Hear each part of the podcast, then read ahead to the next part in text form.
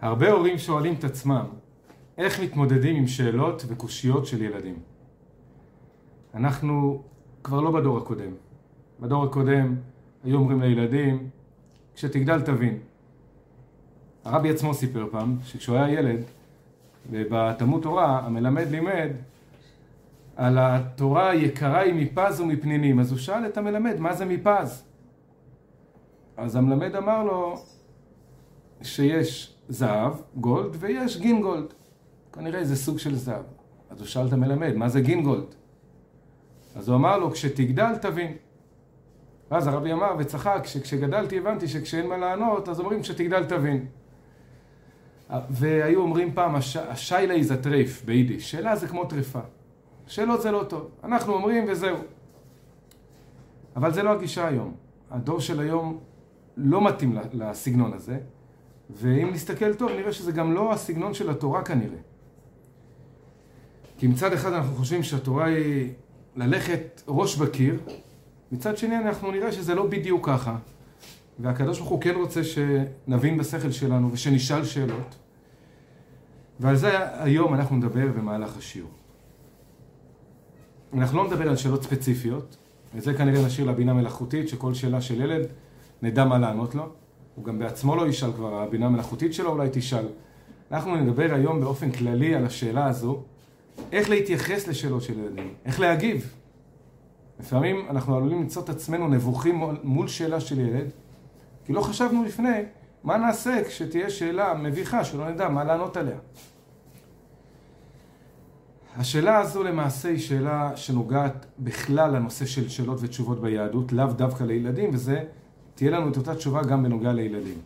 והשאלה הזו נמצאת במרכז הפרשה, בסיפור המרכזי של פרשת השבוע, סיפור שליחת המרגלים. לפני כן אני רוצה להקדיש את השיעור ל... לרב גרשון אדלשטיין, הדוד שלנו, שהוא היה גם אה, נוכח אצלנו בחתונה, זכינו, קרוב משפחה שלנו, שאצלו ראינו איך הוא בא מדור של מאה שנה אחורה, דור שבאמת לא שאלו שאלות. אנשים הלכו ביושר ובתמימות עם הקדוש ברוך הוא, ללא שאלות, ומצד שני ידע להתמודד עם שאלות מאוד קשות שנשאלו בדור הזה, והיה נחשב מאוד פרגמטי, בוודאי ביחס למנהיג הציבור הלטאי, כי הוא הבין שמה שהיה פעם להיום לא ממש מתאים. ודבר נוסף, לפני שאנחנו נעבור לסיפור המרגלים, זה שכשאנחנו מדברים מול ילדים, אנחנו צריכים להיות כנים וישרים. מעניין שהיה ביטוי לא רגיל, שהרבי כתב על עצמו, שלדעתו יש, מדובר בטעות חינוכית גדולה. על מה הרבי כתב טעות חינוכית גדולה? על דבר לכאורה מאוד קטן. על דוגמאות של ציורי קומיקס עבור עיתון לילדים ששלחו לרבי. הרבי הגיב על הציורי קומיקס האלו וכתב שזה לא כדאי שבני אדם יצוירו דווקא לא כמו המציאות, בסוגריים, שמנים יותר, חותם גודל גדול ביותר וכיוצא בזה, כמו שבקומיקס אוהבים, לעשות אף ארוך, בן אדם שמן, בן אדם זה. אומר רבי לא כדאי לעשות, למרות שהורגלו דווקא כך בקומיקס. גם ילדים כבר הורגלו ככה. מה, לראות בן אדם רגיל? זה לא מעניין. אז על זה כותב הרבי, לדעתי טעות חינוכית גדולה היא. למה? כי כל דה פשוט ונורמלי יותר בנוגע לקטנים, מעלה תפי. מעלה זה יותר טוב. בסוגריים הוא לדעתי גם בנוגע לגדולים ואין כאן מקומו. זאת אומרת, בכלל להיות בן אדם נורמלי. גם לחנך כך את הילדים, וגם בנוגע לעצמנו. אנחנו צריכים להתרגל כשאנחנו רואים בן אדם, לא לראות אדם עם אף ארוך ואדם ששונה בזוויות שלו או בתואר גופו, אלא לצייר ולראות אדם כאדם נורמלי, בעצמנו לחשוב נורמלי, להיות אנשים נורמליים. ולכן גם כשאנחנו מדברים כרגע על תשובות לשאלות של ילדים, אנחנו רוצים משהו מאוד מאוד נורמלי ופשוט. איך כל זה קשור לפרשה? הפרשה שלנו, פרשת המרגלים, היא פרשה מרתקת. היא מרתקת במיוחד עם השאלות וההסברים של המפרשים סביב הפרשה הזו, כי יש בה המון המון שאלות וקושיות מאוד חזקות. אני אתחיל עם כמה מהם, נדבר על כמה מהם, אי אפשר להתפשט על הכל. הפרשה מתחילה, ויאמר השם אל משה, שלח לך אנשים ויתורו את ארץ כנען. מה זה לך? שלח אנשים ויתורו את ארץ כנען. כותב רש"י, שלח לך לדעתך. אני איני מצווה אותך. זאת אומרת, תחליט לבד. שלח לדעתך, אם לפי דעתך כדאי לשלוח, תשלח. אני לא מצווה אותך. זאת אומרת, האנשים באו למשה וביקשו מרגלים, ביקשו לשלוח מרגלים, משה פונה לקדוש ברוך הוא, הקדוש ברוך הוא אומר לו, שלח לך לדעתך. וזה דבר שדורש ביור. כי עד היום ידענו שכל דבר שמשה שואל את הקדוש ברוך הוא, הקדוש ברוך הוא עונה לו.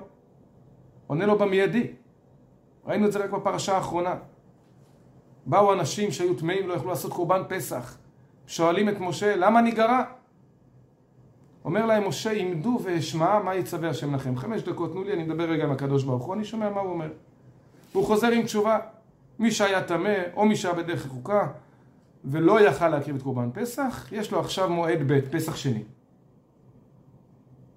ולאורך כל הסיפורי התורה, כשהיה שאלה מה עושים עם המקושש, מה עושים עם המקלל, מה עושים עם בנות צלופחד, תמיד משה שואל, הקדוש ברוך הוא עונה. פתאום פה בא הקדוש ברוך הוא ואומר לו, אני לא מצווה אותך.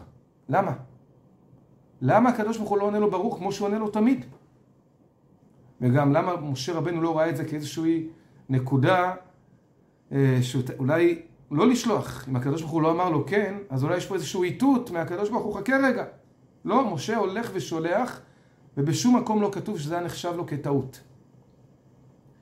אז למה באמת הקדוש ברוך הוא לא ענה לו? שאלה אחת. שאלה שנייה, משה רבנו שולח ונותן הוראות ברורות מאוד למרגלים, שולח אותם לבדוק מה טיב האנשים שגרים בארץ, ומה העם היושב בה, החזק הוא הרפה, המעט הוא עם רב, וגם לבדוק מה טיב הארץ עצמה. הארץ השמנה היא עם רזה, היש בה עץ עם מים. מה איכות האדמה של הארץ, של פירות הארץ? יותר מזה, לא מספיק שהם יבדקו את איכות הארץ, אלא אומר להם והתחזקתם ולקחתם מפרי הארץ. תתאמצו ותביאו מהפירות בידיים שלכם כדי שאנשים יראו את פירות הארץ. והמפרשים מדברים על זה, כולל הרמב"ן, אבל משה בן נחמן מעריך בזה. והאור החיים, שהיה פה בעצם, למה צריך להגיד להם והתחזקתם? כי זה היה דבר מסוכן. כשאתה מגיע למדינה לא מוכרת, ואתה עוד לוקח איתך רכוש מהמדינה, זה מחשיד יותר. הם, הוא בעצם נתן להם פה הוראה להעמיד את עצמם בסכנה, העיקר להביא מפירות הארץ. והשאלה שנשאלת היא למה? זה שהוא שולח את המרגלים כדי לדעת איך לכבוש את הארץ אפשר להבין. אבל להתאמץ ולסכן את עצמם רק כדי להביא מפירות הארץ, למה זה נחוץ?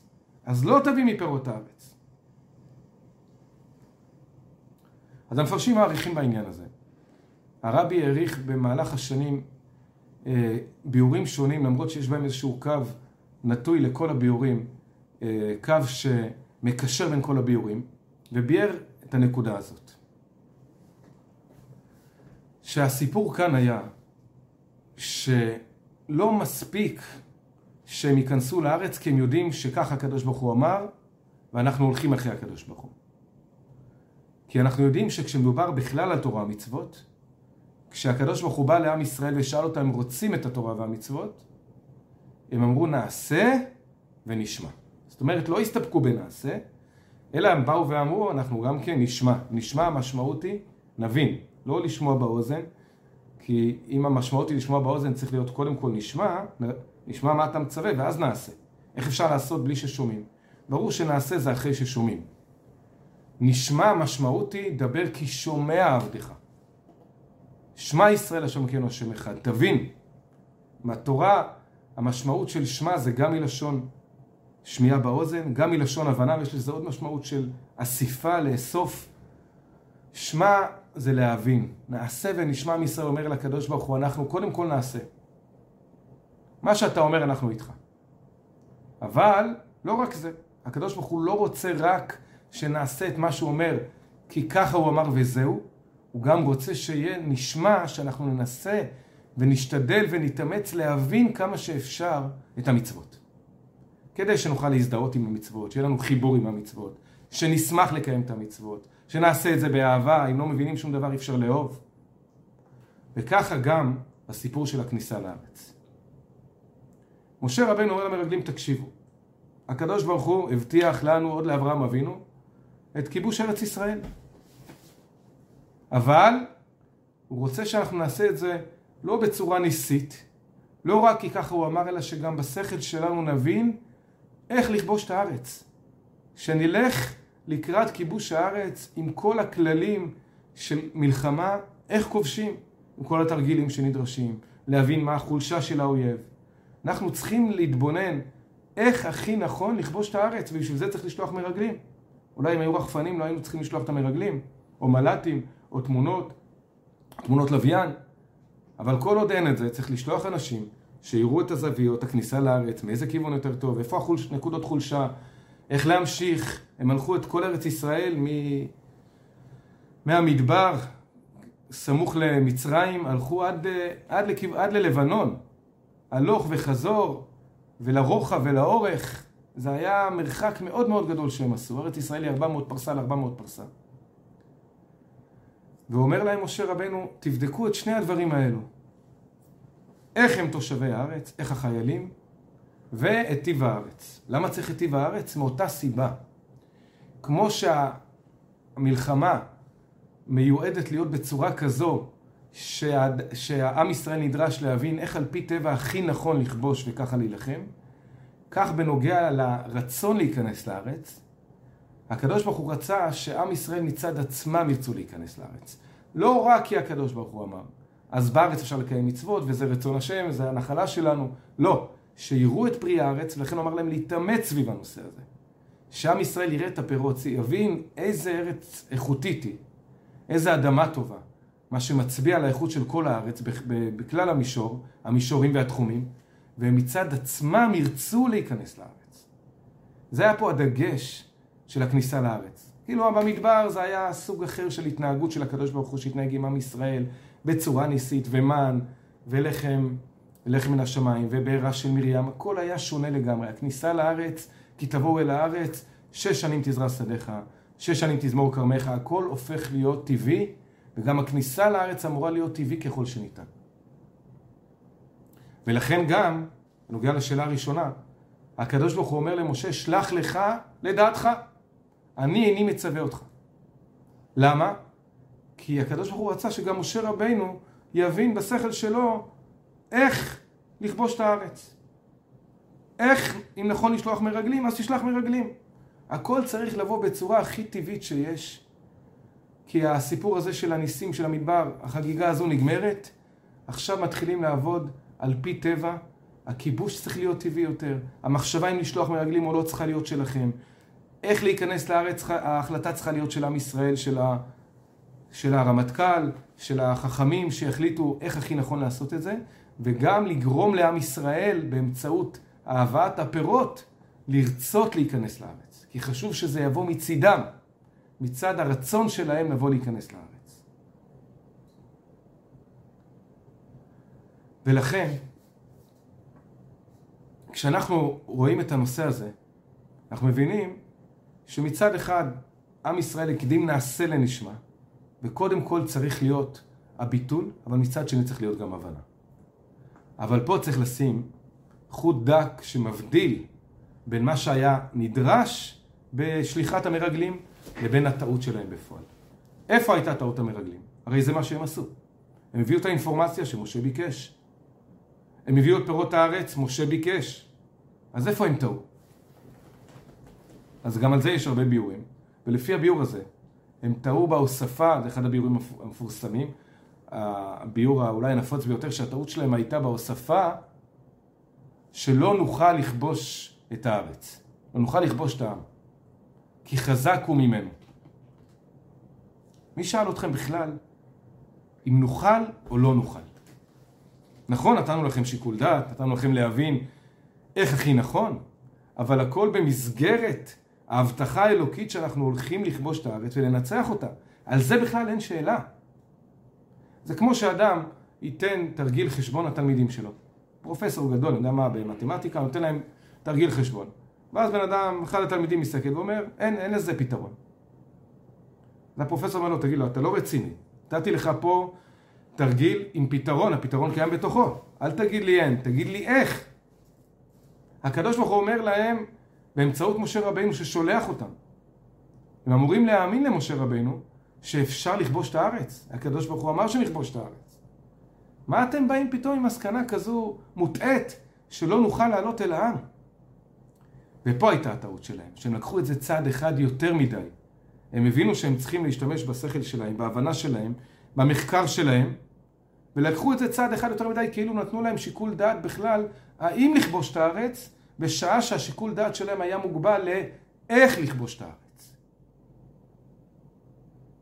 אבל כל השיקול דעת איך לכבוש בנוי ומושתת ומיוסד על זה שבוודאי אפשר לכבוש את הארץ. למה? כי הקדוש ברוך הוא אמר. חז"ל דייקו את זה בלשונם כשהם דיברו על נעשה ונשמע. שבשעה שהקדימו ישראל נעשה לנשמע. ירדו קכ 120 120 מיליון 200 120 ריבו מיליון 200 מלאכי השרת וקשרו להם שני כתרים אחד כנגד נעשה ואחד כנגד נשמע היה פה שני כתרים, הנעשה זה על זה שעם ישראל אומר לקדוש ברוך הוא אנחנו בכל מקרה עושים גם אם לא נבין הנשמע זה על זה שעם ישראל אומר אנחנו ננסה להבין ככל שנוכל את התורה והמצוות, אנחנו רוצים להתחבר למצוות, רוצים להבין, רוצים להזדהות. הם קיבלו כתר על כל אחד מהדברים. אבל כדי שהם יקבלו את הכתר, היה צריך להיות תנאי. והתנאי היה שהקדימו נעשה לנשמע. שכל הנשמע בא אחרי הנעשה. אחרי הביטול הזה, שהם יודעים שמה שהשם אומר אנחנו עושים. מה שהוא אומר יתבצע, מה שהוא אומר זה נכון. גם אם לא נוכל להבין. אבל אנחנו מצד שני נשמע ונשתדל להבין ככל שנוכל, אבל אנחנו יודעים שההבנה שלנו בסוף מוגבלת, על זה מגיע להם כתר. אלמלא הקדימו נעשה לנשמע, לא היו מקבלים כתר על הנשמע. גם ישראל אומר לקדוש ברוך הוא, תקשיב, אנחנו נשמע, ואם יסתדר לנו, נעשה. הרי זה מה שאומות העולם אמרו. דבר ראשון הם שאלו, כשהוא שאל אותם, אתם רוצים את התורה, מה הם עשו? מה כתוב בתורה? זה נקרא נשמע בלי נעשה. על זה לא מגיע כתר. הכתר על נשמע מגיע אחרי שהוא הוקדם, הקדימו נעשה לנשמע. ופה המרגלים את ההבדל הדק הזה לכאורה לא הבינו. ומזה הם טעו. פה הייתה הטעות שלהם, שהם לקחו את זה צד אחד קדימה וזה כבר מסוכן.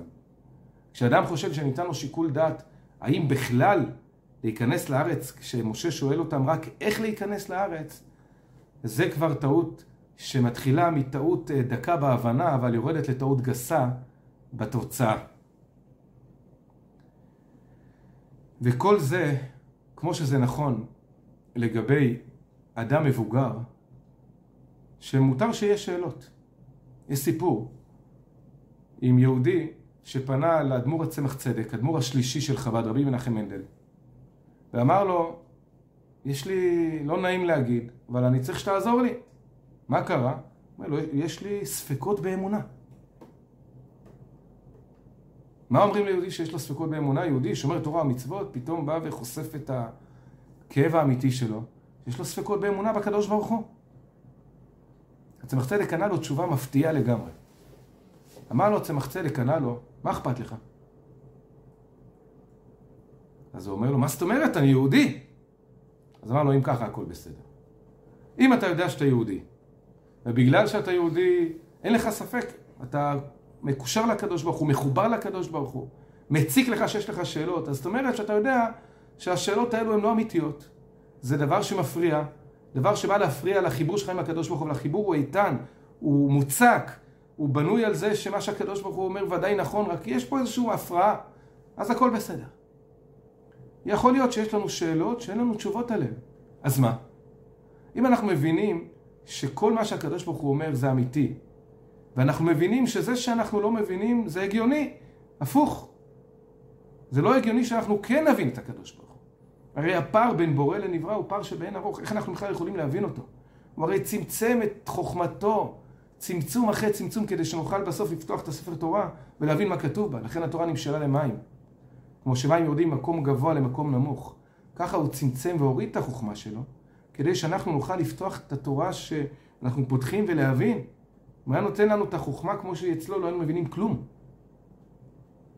אז הפלא הוא לא למה אנחנו מבינים, למה אנחנו לא מבינים, הפלא הוא איך יש דברים שאנחנו כן מבינים.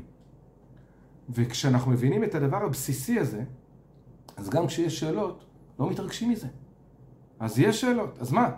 אבל אנחנו יהודים, אז מה מפריע השאלות? אם המרגלים היו יודעים את הנקודה הזו, הם גם היו מגיעים לפתרון של התרגיל שמשה רבינו נתן להם. כי יש פתרון. אם משה רבינו שלח אותם, אז יש פתרון איך הכי נכון בצורה טבעית לעשות את זה. אם היו מבינים שאם הקדוש ברוך הוא אומר זה אמיתי, ואין ספק שאפשר, הרי אם זה היה ניסי, אם היה אפשר לכבוש רק בצורה ניסית, הוא לא היה שולח את המרגלים, הקדוש ברוך הוא לא היה אומר שלח לך. הקדוש ברוך הוא רצה שזה יהיה טבעי כי הייתה דרך טבעית לעשות את זה. והם לא ראו את הדרך הזאת כי היה חסר להם באמונה הזאת, שהקדוש ברוך הוא אומר, אז יש דרך. הנשמע היה אצלם יותר מדי דומיננטי על חשבון הנעשה. אבל באמת, אם התורה אומרת משהו, אז יש לזה הסבר. ואם אני לא יכול להגיע להסבר, אז אני לא יכול. אני יכול לבקש מהקדוש ברוך הוא, אתה חונן לאדם דעת. חונן מאיתך חוכמה בינה ודעת, שאני רוצה כן להבין את זה. הרבי פעם סיפר שלפעמים הוא דיבר על זה שהוא ביאר פירוש רש"י על התורה, שכל הלילה הוא לא הצליח לישון, כי הוא לא הצליח להבין את הרש"י הזה, עד שהוא הגיע להבנה של הרש"י הזה. אז או שנבין, או שלא, אבל אנחנו מבינים שגם אנחנו מבינים, זה המצב הטבעי. אבל האמת היא שהדבר מוסבר. היה פעם פרופסור ירמיהו ברנובר. היה אסיר ציון, יהודי שעלה מברית המועצות, הוא עצמו בכלל נולד במשפחה אתאיסטית בלטביה, וחזר בתשובה ונהיה חסיד חב"ד. ובמהלך השלבים שהוא עבר, הוא שאל פעם את הרבי, היה פרופסור לפיזיקה, מגנטו הידרודינמיקה, זה היה התחום שלו. הוא שאל פעם את הרבי האם על כל שאלה מהמדע יש תשובה. יש הרבה שאלות שהמדע מציג, אנחנו לא יודעים אה, בחמש דקות לענות על זה. הרבי בשנים הראשונות, שנות ה-50, ה-60, נדרש הרבה מאוד לשאלות האלו, זה דבר שהציג פעם לאנשים, הנושא של שאלות של המדע מול האמונה. היום זה בדרך כלל מפריע לאנשים יותר הקטע הרגשי, שקשה להם לקיים מצוות, לא כך שאלות השקפתיות. בעבר זה היה ככה. והרבי למד באוניברסיטה וידע לענות וענה, אז הוא שאל את הרבי כל מיני שאלות, ואז הוא שאל את הרבי את השאלה הזו, האם על כל שאלה יש תשובה או לא? והרבי ענה לו, שלא רק שעל כל שאלה יש תשובה, אלא שמכל שאלה יש, אם נתעמק טוב בשאלה, נתעמק טוב במקום שממנו שואלים את השאלה, הדבר שעליו אה, מיוסדת השאלה, הגילוי החדש שמצאו, נראה שמתוך המקום הזה דווקא רואים את כבודו של הקדוש ברוך הוא. הרי אם זה בריאה שהקדוש ברוך הוא ברא, אז רואים פה את הכוח של הקדוש ברוך הוא. אז לא רק שיש על זה תשובה, אלא פה מגלים עוד כוח של הקדוש ברוך הוא, ששום נברא אחר לא מגלה. המשנה האחרונה במסכת אבות. כל מה שברא הקדוש ברוך הוא בעולמו, לא בראו, אלא לכבודו. כל דבר נועד לגלות את כבודו של הקדוש ברוך הוא.